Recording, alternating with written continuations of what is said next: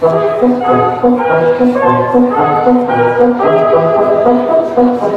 ser du Janko.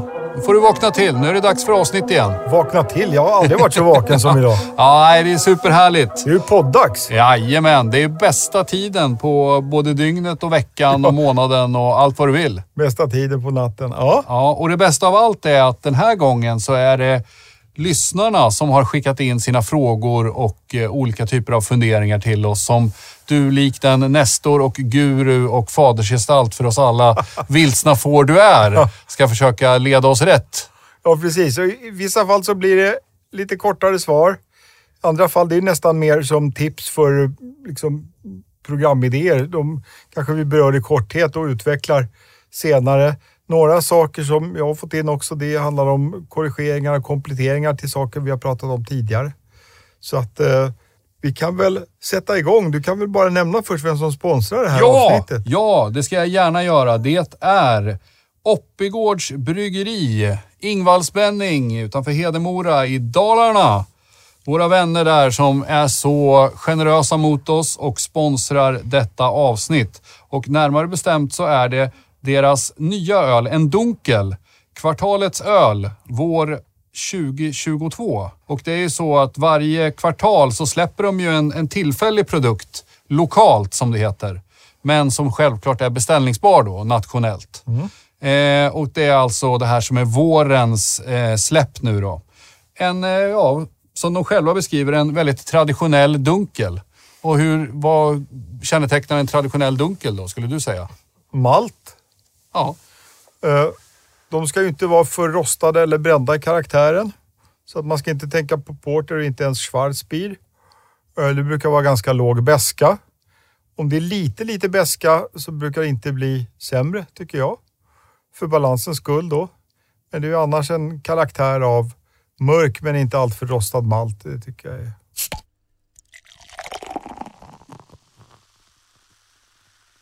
Då ser vi fram emot det. Stort tack till Oppigårds som sponsrar detta avsnitt. Och med det så kastar vi oss in i frågorna och funderingarna som vi har fått. Den första kommer från både Green, Green Daily Brewing och Joel Lundberg 84 som vill höra lite mer om öltypsdefinitioner kontra hur det smakar i verkligheten.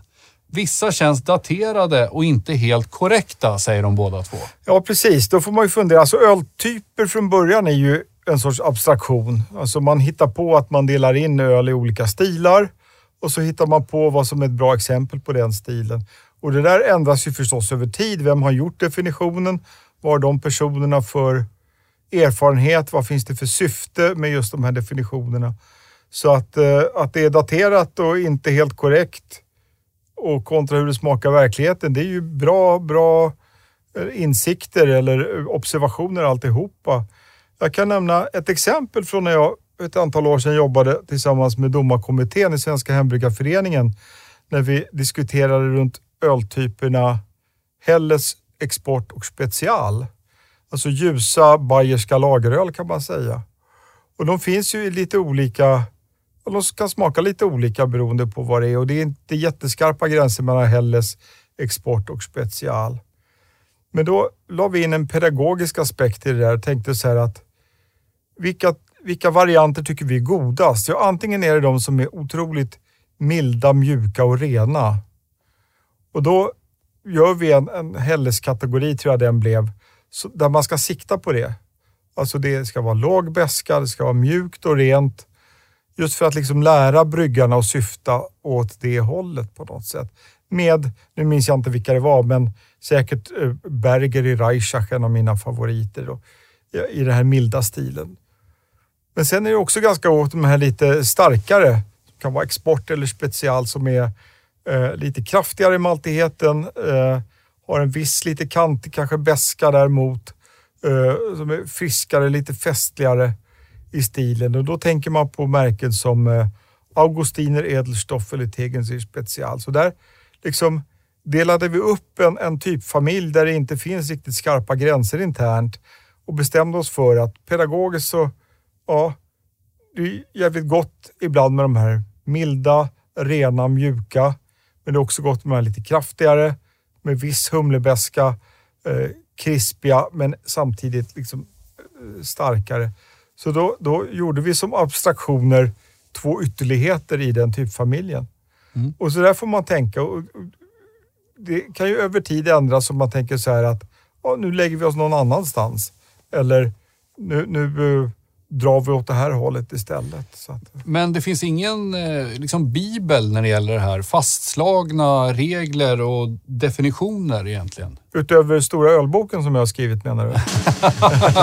Nej, men jag, ja precis. Nej, men jag tänker att det känns ju som att nu bestämde vi att det skulle vara så här och det känns lite så att vi har ju ett avsnitt, eh, för två avsnitt sedan, när vi pratar om prototypiska öl och du nämner Ja. Michael Jackson som är förgrundsfigur och så vidare. Att det känns lite grann som att det förändras över tid och, och det får vara så. Absolut, jag tycker Ja. det. Eh, man får leva med det och det, det är när man upptäcker saker som, där man inte tycker att det stämmer och så vidare. Det är ju en del av processen. Alltså det är ju en ständigt pågående process. Och, menar, en, en svaghet här i Sverige till exempel, eller en sak att ta hänsyn till, det är ju Trots att det finns eh, liksom hundratals öl på Systembolaget så finns ju massor med ölstilar där det finns ett enda bra exempel.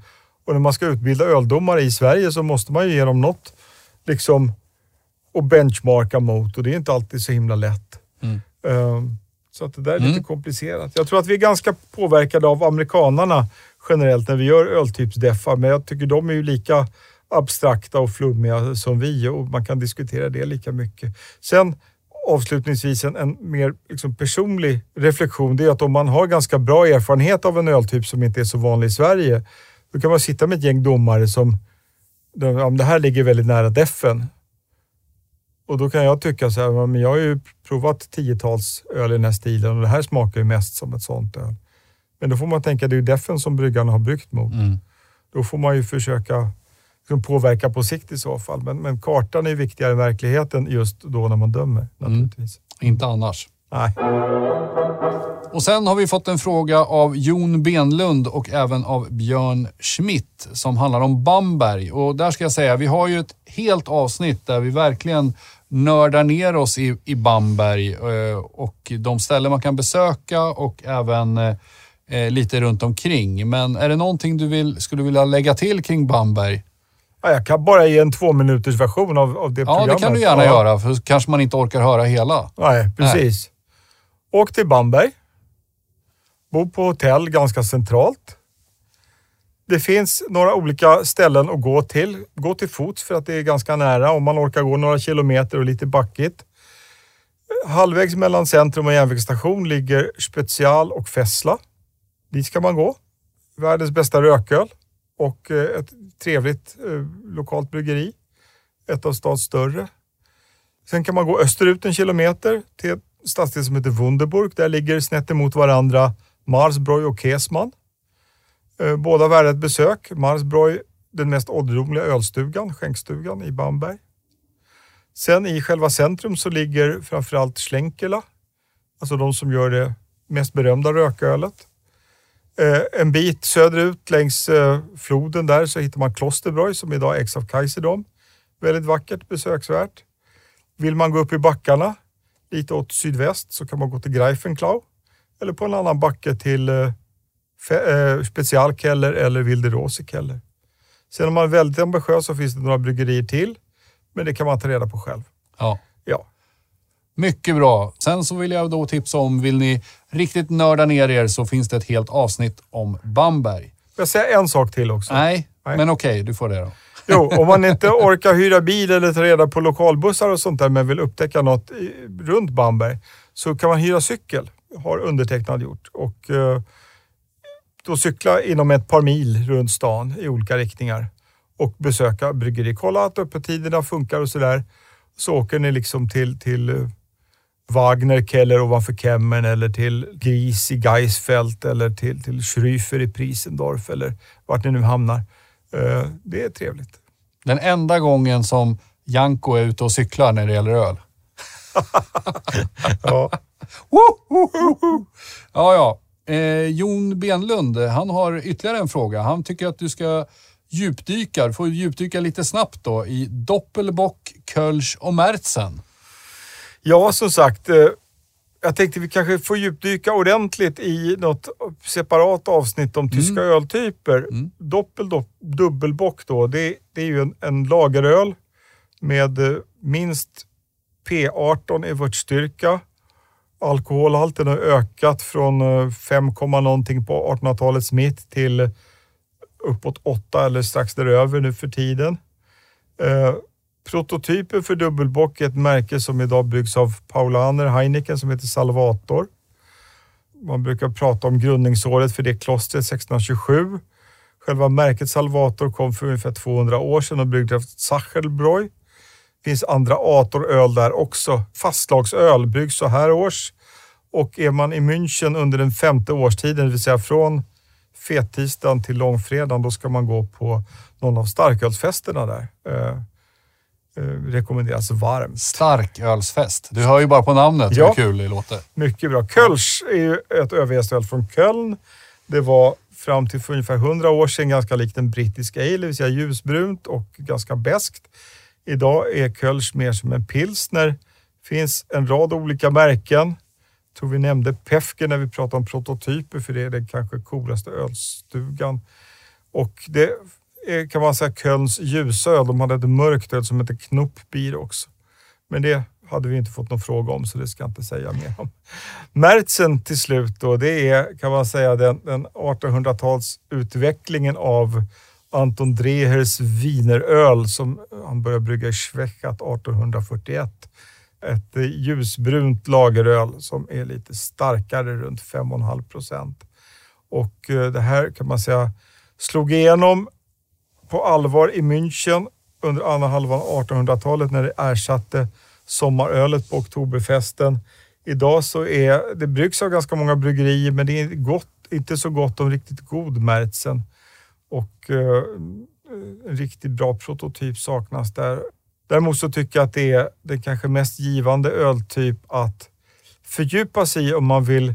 Om man tycker om centraleuropeisk lager och har varit mycket i Tjeckien och sådär och vill fatta vad poängen är med bayerskt öl, då ska man dricka Märzen Och vill man få en helhetsupplevelse som man aldrig glömmer, då ska man åka till Wettelsheimer Keller i Mittelfranken som ligger strax utanför Wettelsheim där bryggeriet Strauss brygger en fantastisk Märtsen. Mycket bra. Och sen har du fått en fråga från Bergkvara-Jonas. Han skriver så här. Han smakade en öl från Remmalöv som, och de hade bara skånska råvaror i. Är det här en trend som kommer med lokala råvaror? Så om jag ska killbabbla lite på den bara, för att jag har ju inte undersökt det här på något sätt. Så mitt intryck är att, att i en tid eh, när det finns en allt större medvetenhet om hållbarhet och, och, och, och schyssta lösningar och sånt där, så har det svikt, switchat över lite grann från ekologifokus till lokalfokus. Eh, jag tror allt fler människor har blivit medvetna om att sådana ekomärkningar handlar om vilka pengar man betalar till vilken organisation och att det kanske är bättre då att köpa en eh, lokal produkt från eh, kommunen där man bor istället för något ekomärkt från Nya Zeeland till exempel. Så jag, jag tror att det, min gissning är att det finns en sån trend, ja. Eh, Morgan Kall vill höra mer om några hotade öltyper. Vi har ju ett avsnitt som handlar också bara om det. Men han säger till exempel Grodziski. Precis. Uttalar man det så? Grodziske. Grodziski. Ja, och sen så hade du, tycker jag, en fråga från Joakim Lindblad där som anknyter lite till den. Just det. Du tänker på berätta gärna om Berliner Weisse och Gåse, Mm, precis. eh, säger han. Är det mycket annorlunda mot annan suröl? Vad skiljer de åt? Till exempel från Belgien. Ja, Eh, ja, Så jag tänkte, jag nämner lite Ja. kort om de här. Man kan väl säga generellt då, så före ölnäringens industrialisering så fanns det ju en rad liksom lokala öltraditioner runt om i norr om vinodlingsbältet. Och de platser där det har överlevt längst, eller det som är mest känt, det är väl liksom Belgien med, med sina spontanjästa till exempel. Och eh, jag tror de flesta av de här öltyperna som vi har nämnt nu i frågan, det handlar om öl som har varit luftjästa, det vill säga spontanjästa, man inte har tillsatt öl. Eller sen utvecklas då till överjästa varianter, men behållit en del av syran till exempel som är typiskt för luftjäsning. Då. Jag tycker överlag då, jag kollade lite inför det här svaret, jag har många gånger funderat på eh, tyska öltypen Gose och det belgiska eh, eller nederländska typnamnet Göse. Mm. Som då ska ha olika förklaringar, att det har med geyser eller gush att göra, alltså att det är något som är tryck i eller att det kommer Mm. från en gata i Bryssel. Men någonstans kan jag inte släppa det där att, att eh, tänk om det är så att det var någon i Belgien som gjorde öl i Goslar-stil. Det är en stad i norra Tyskland som heter Mm. Goslar. Mm. Men som sagt, det där har jag hittat på själv så det kanske inte alls stämmer. Uh, Berliner Weisse, Mm. eh, Nordens champagne, det är ju ett alkoholsvagt öl med veteinslag som får, sy alltså, det får sin syra under jäsningen, en ganska kraftig laktisk syra. Och eh, det, det fanns ju bara kvar vid ett fåtal bryggerier och stora kommersiella märken är ju kanske ännu färre nu än vad det var för 30-40 år sedan. Det fanns en ganska kraftfull och trevlig östtysk variant som jag kommer ihåg då. De är ju inte jättestora idag. Mer intressanta för kraftbryggare och hembryggare tror jag. Genom sin alkoholsvaghet och sådär. Uh, idag ser man det i Tyskland, i alla fall utanför Berlin, ofta som en drink. Jag menar, vart jag beställt en Berliner Weisse i Bamberg en gång och fått en helt vanlig bayersk veteöl med, med saft i.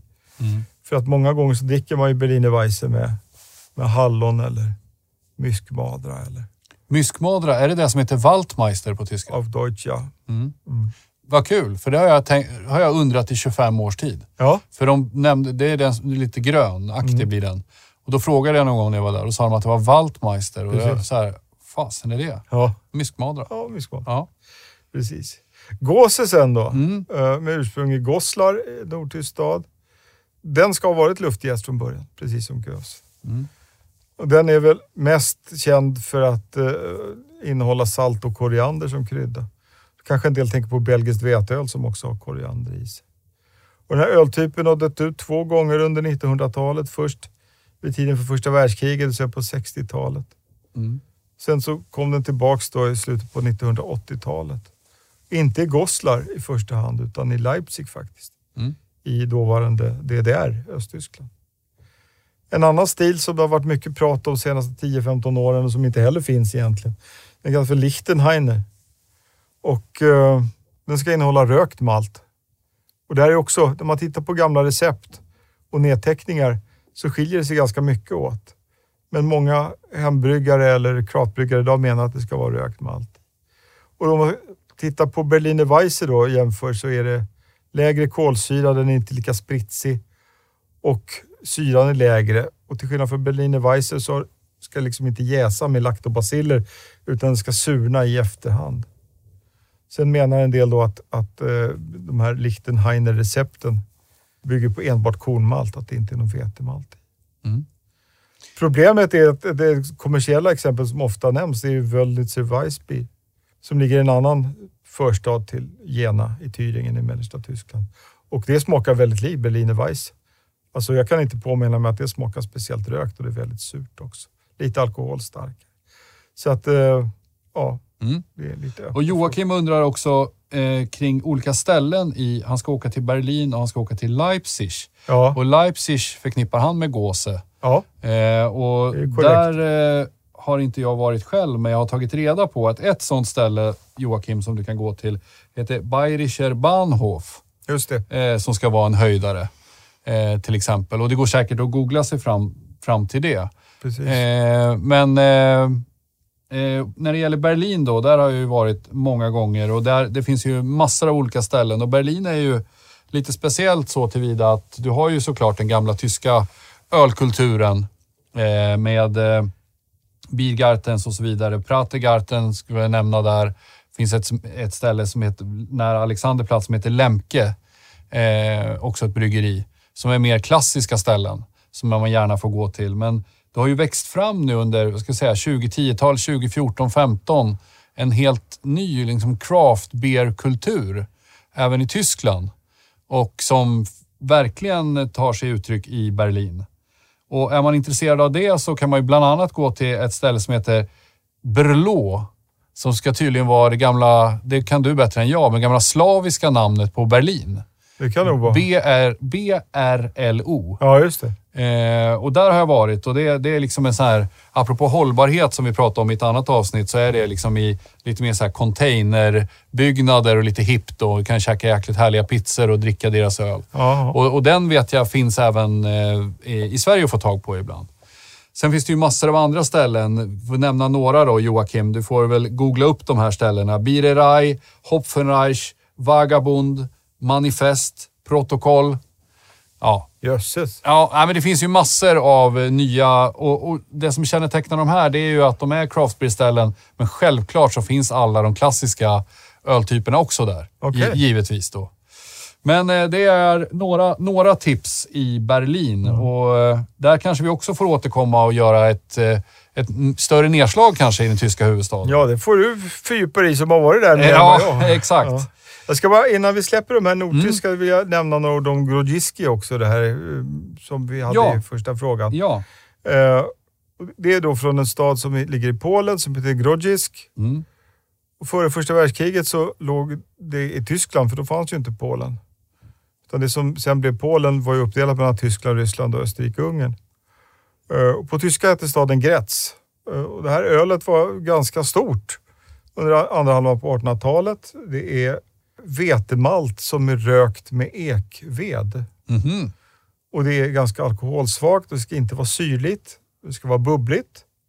Till skillnad från flera av de här andra typerna som jag har nämnt nu så ska det vara klart också. Så det var eh, filtrerat helt enkelt. Det sista bryggeriet stängdes 1993.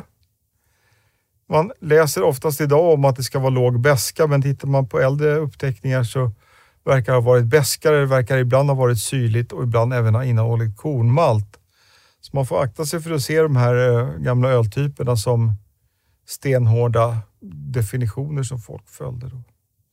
Men, men ehm, eh, jag tycker själv att, att eh, Grodziski Gretzer är en väldigt intressant eh, öltyp. Det hade varit roligt att inte ha missat det, vilket jag gjorde då. Ja. Det sista kommersiella som Ja, fanns då. det var frågor från både Morgan Kall och Joakim Lindblad. Tack för det. Eh, då undrar Vibrafon, kan ni göra en liten djupdykning i olika humlesorter och deras karaktäristika? Gärna börja med de klassiska och kanske även inkludera traditionella svenska humlesorter om det finns sådana. Och där har vi pratat om att det kan ju faktiskt bli ett avsnitt om Det- humle. Det är helt klart ett avsnitt. Kan ju bara nämna en två minuters här också. Absolut. Eh, helt kort då att, att eh, om man ska liksom bara göra med, med grova penseldrag det klassiska så har man ju två traditioner i liksom, de områden där humleodling har varit kommersiellt eh, viktigt de senaste 150 åren. Det är dels den centraleuropeiska med obefruktad humle, dels den engelska med befruktad humle. Den centraleuropeiska som kanske är mer känd då, eh, så bygger mycket på den så kallade ädla humlen och den utgår från satshumlen från Tjeckien som eh, i och för sig har varit känd länge och som kan man säga odlades fram i någorlunda nuvarande form av en herre som heter Christoph Semsch på 1850-talet. Det var egentligen då, han som gjorde det mest känd var en humleman som heter Karel Oswald. Föddes 1899 och dog 1948 och det är tre kloner som heter 31, 72 och 114 av satshumle. Också kallat sats medeltidig röd. Som är liksom, apropå prototyper, det är liksom eh, det är prototypen för ädel humle. Sen så vet ju alla som håller på med öl att det finns liknande humlesorter i Tyskland också. Tettnang och Spalt, kanske Hallertauer Mittelfry också. Eh, plus naturligtvis en rad humlesorter som inte är lika kända som är till för bitterhet. Bland de engelska humlesorterna, de, det finns ju också en rik historia där, men de som har seglat upp under 1900-talet som är ganska olika varandra, det är ju East Kent Golding med sin fruktigare, blommigare karaktär och Fagel med sin lite gräsigare, jordigare karaktär. Jag ska väl också nämna den slovenska humlen eh, Savinski Golding som trots sitt namn då är besläktad med Fagel och passar både till ale och lager. Vi hade en fråga om svensk humle också där, Och det kan jag få kanske en gångs skull självklart. vara med lite grann. Eh, som den sörmlänning jag är. Ja. Vi hade ju en sörmländsk ölprovning för ett tag sedan. Ja, Och då hade vi med ett bryggeri som heter Stör. Just det. Eh, och de odlar ju sin egen, de säger då att det går åt en stör humle till varje batch. Då, Just så det. Därav namnet. Men då pratar de om, om ett gäng, ett urval av de här klassiska svenska humlesorterna som de använder. Mm. Som de odlar i Stigtomta utanför Nyköping. Just det. Bara som ett exempel, då har de en som heter Hulla Norrgård. Just det. En som heter Näs. Ja. En som heter Täppan. En som heter Vadstena. En som heter, eller Vadstena. En som heter Korsta och Bonneråd. Okej. Eh, och det är ju lite kul att, att det, liksom, apropå det här, entusiaster som dyker upp då som, som, som gör det här. Och det finns säkert ännu fler. Och de, Thomas och Lennart heter de som, som kör det där. Just det. Eh, så det är bara en liten, litet inspel. Apropå frågan också om svenska entusiaster som jobbar med lokala råvaror. Precis. I Eh. Bettna utanför Nyköping hittar ni dem ifall ni vill få tag på dem. Bryggeriet Stör heter. Peter, vi får åka dit någon gång känns det som. Ja, gärna det. Och störa dem. Och störa dem. Precis.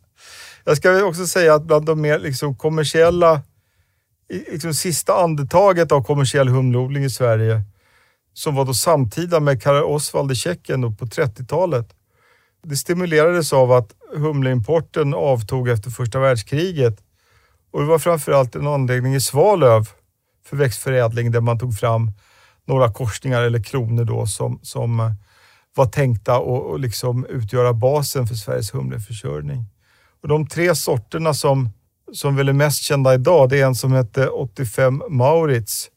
Efter en som, alltså klon 85 hette den egentligen, eller korsning 85. Mm. Efter en Maurits Paulin, odlades i Näsum ovanför Kristianstad där, eller norr om Kristianstad.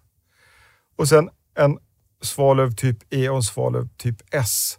Det var liksom de, den svenska humleodlingens hopp fortfarande för knappt hundra år sedan. Men som sagt, den kommersiella odlingen försvann där före 1960. Mm.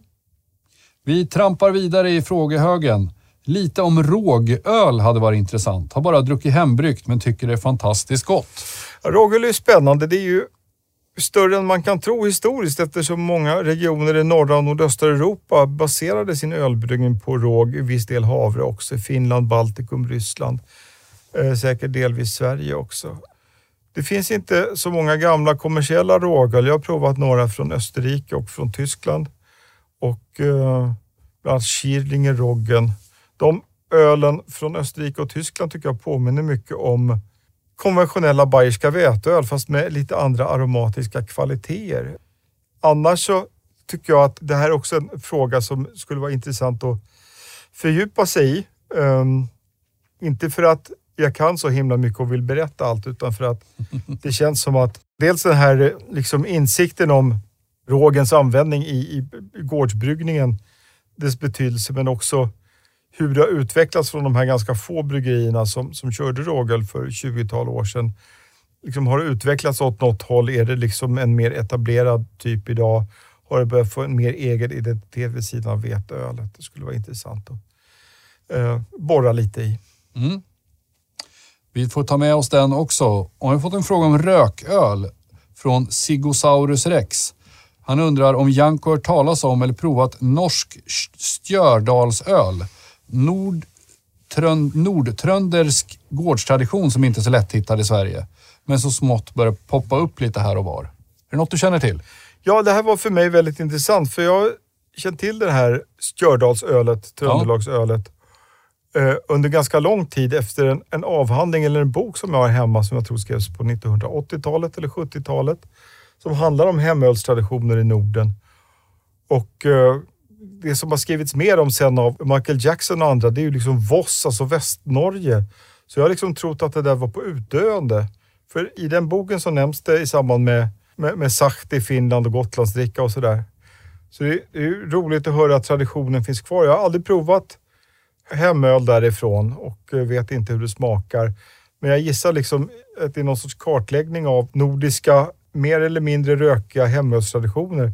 Så skulle det vara otroligt spännande och eh, Ja. är det någon eh, poddlyssnare som vet hur man gör för att få smaka tröndersk eh, gårdsbryggd öl med rökkaraktär så är jag idel öra. Vi får skicka ut en trevare till Sigosaurus rex som kanske har eh, kranar in helt enkelt. Ja. Eh, bra ölpubbar i Sverige? är En fråga. Ja. Eh, och eh, ja, det är klart att det finns det. Vi kanske ska nämna några stycken i alla fall.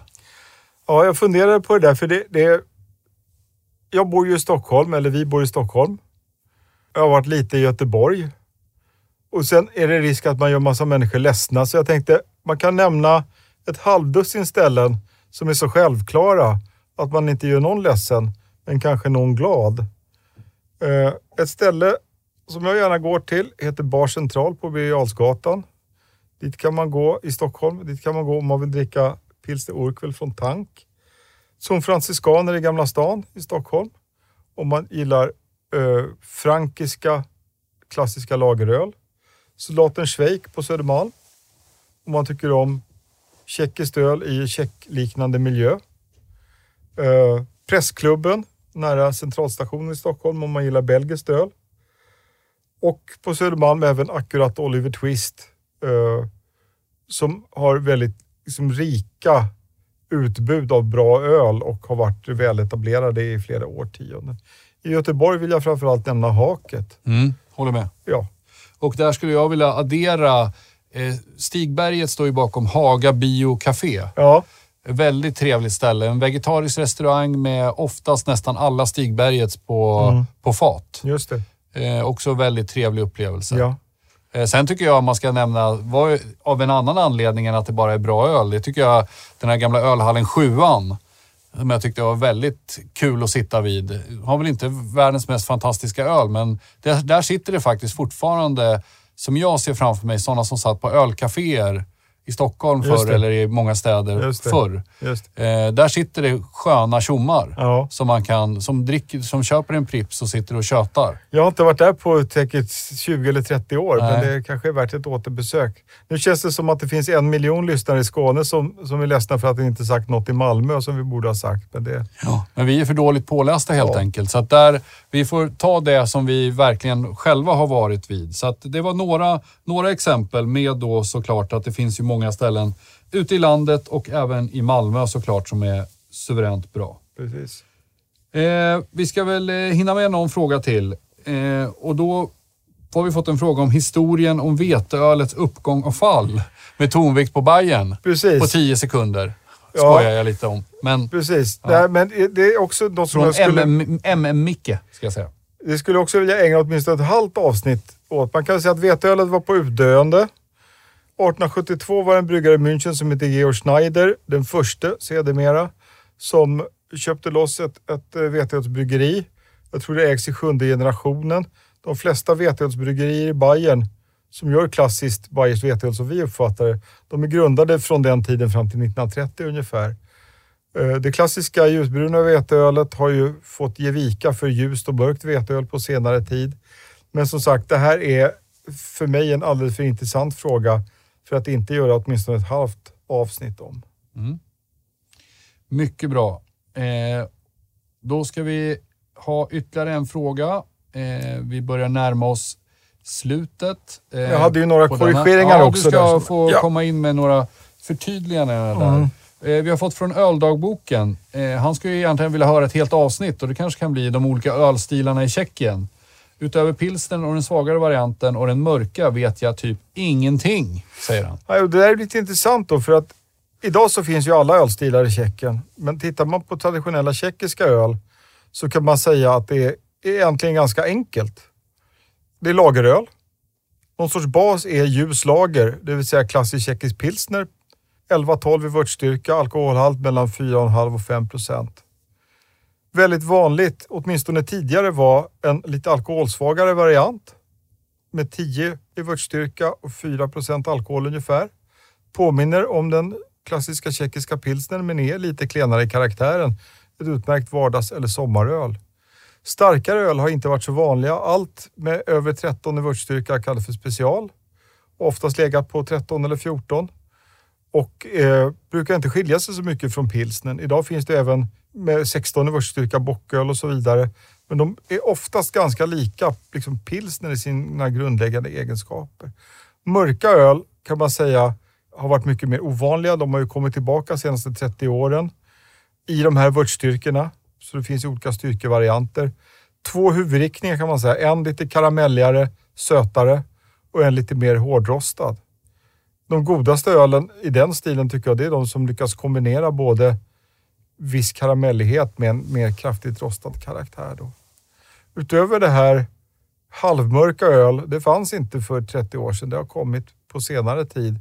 Och de kan ju liknas då vid, om man tänker sig en bayersk Märzen fast eh, med mer tjeckisk liknande smak. Alltså mjukare maltkaraktär, lite mer aromatisk humlekaraktär.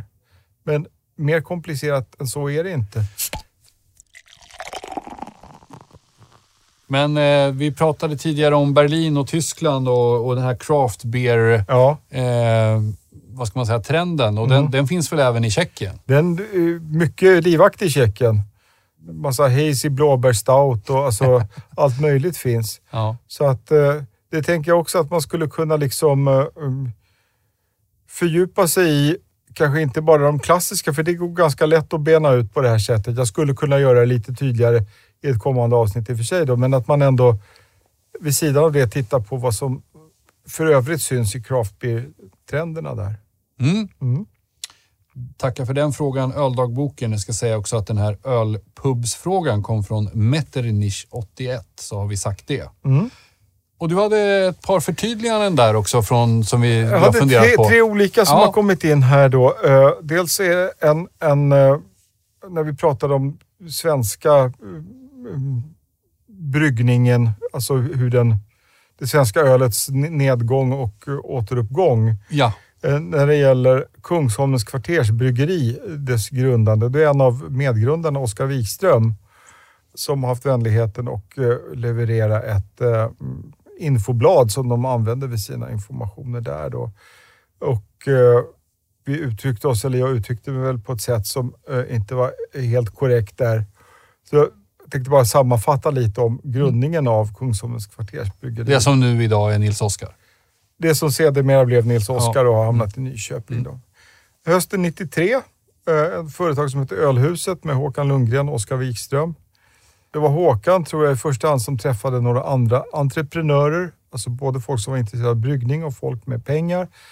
Där det fattade beslut om att bygga ett bryggeri. Och, eh, det var i början av 1996 som det blev klart att det skulle bli på Svarvargatan på Kungsholmen. Själva bryggerianläggningen kom från Storbritannien via ett norskt företag som hette Bryggtech. Därifrån kom det folk också och hjälpte till att installera byggningen.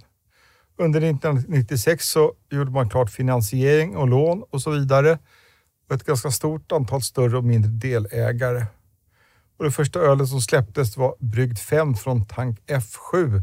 Nej, från tank F den 7 december 1996. Det som blev Lundgrens lager. Så det var äldsta Mm. historien runt det bryggeriet. Mm. Sen pratade vi om alkoholfritt öl i en annan sån här frågepodd.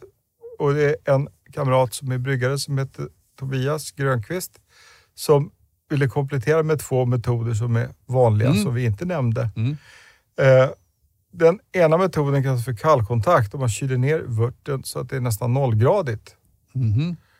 Och då är det för kallt för att gästen ska arbeta normalt. Och då produceras ingen alkohol. Och det, men den bryter ner karbonyler som gör att vörten luktar vörtigt. Alltså den här obehagliga vörtlukten som kan störa öl som inte är så bra. Den bryts ner så det blir lite mer ölliknande karaktär på det. Det är den äldsta metoden för alkoholfritt öl. Den andra metoden som är vanlig bland craftbryggare idag är att man använder så kallad maltosnegativ jäst. Det är jäst som inte kan förjäsa maltos. Och det är mycket billigare än att avalkoholisera öl. Sen har jag fått en fråga från en annan bekant som heter Fredrik Eriksson, som bor i England, om licensbryggning, någonting som var mycket på tapeten Just det. förr i tiden och eh, som vi ofta rynkade på näsan åt. Mm. Man kan ju förstå på sätt och vis att bryggarna vill undvika liksom omaket med att transportera 90 procent vatten över halva jordklotet. Eh, Sen blir det aldrig riktigt samma grej. Man kan ställa sig frågan om det gör något eller inte. Hans spaning var i alla fall att, att eh, det verkar ha gått ner från 80-90-talet. Men att det nu är liksom på väg tillbaks. Att, eh, kanske inte alltid att man brygger på licens, men att eh, kända bryggerier, Stone från Kalifornien uppför ett bryggeri i Berlin. Nu är väl det borta kanske, men alltså att eh, Brooklyn kanske tillverkar sina produkter hos Carlsberg. Alltså, sådana grejer. Att, att, att, eh, och det här tycker jag eh, är väldigt intressant iakttagelse. Jag vet själv hur jag reagerar vid minsta osäkerhet på var ölet är bryggt och, och sådana saker. Och det här är någonting som jag tycker skulle vara intressant att undersöka och borra lite i mm. till ett senare tillfälle. Så det blir liksom inget utförligt resonemang eller svar här, men jag tycker det var en bra observation och eh, ett bra uppslag för eventuellt senare avsnitt. Grymt! Tack till eh, Fredrik. Eh, vilken eh, skattkammare vi har i er som lyssnar. Verkligen. Eh, och som ni hör själva, vi har ju uppslag till många avsnitt till med Janko-podden med tack för era frågor. Och hoppas att ni också fick en hel del svar. Och jag ska nämna då till sist att eh, det här avsnittet sponsrades av Oppigårds och eh, deras nya Dunkel den 2 maj eh, kom det, så att det är bara att beställa det på eh, bolaget. Det är ju beställningsbart nationellt och det är en traditionell dunkel som vi är sugna på att testa. Så vi står, står i stor tacksamhetsskuld till Oppigårds som sponsrar detta avsnitt. Och sen så vill jag också nämna faktiskt, eh, vi gör det lite då och då, eh, vår eminenta producent Per-Erik Elg på Donadoni som får oss att låta så här smarta som vi låter. Det är mm. helt otroligt vad man kan göra med modern teknik. Mycket bra. Ja. Tack ska du ha. Tack. Hej. Hej.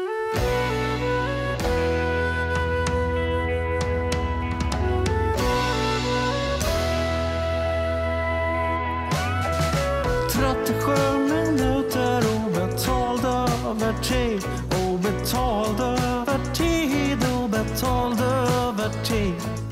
37 minuter har ni stulit av mitt liv. Ser du henne hälsa att jag är på väg?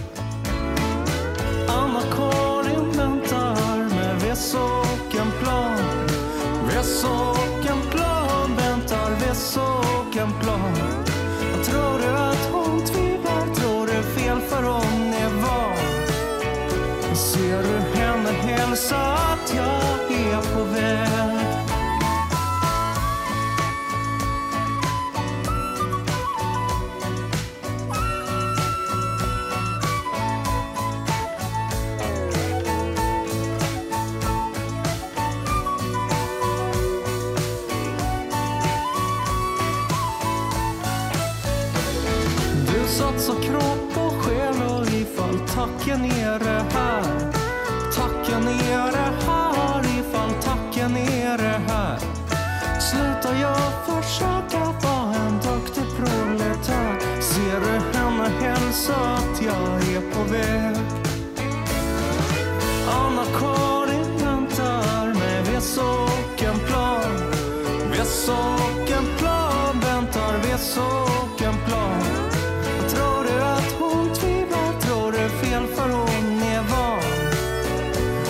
Ser du henne hälsa att jag är på väg?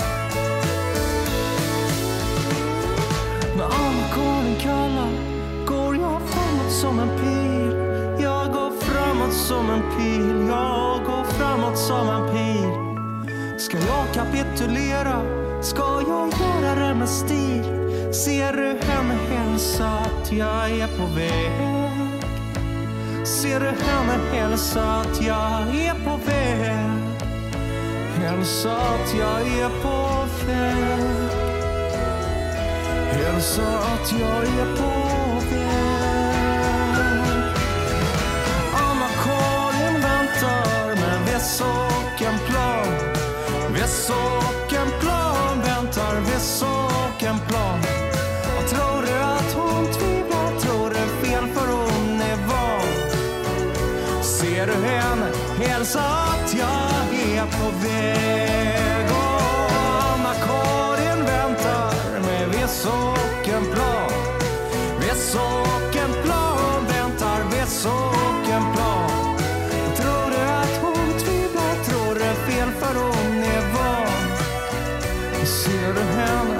hälsa att jag är på väg. Ja, ser du henne, hälsa att jag är på väg.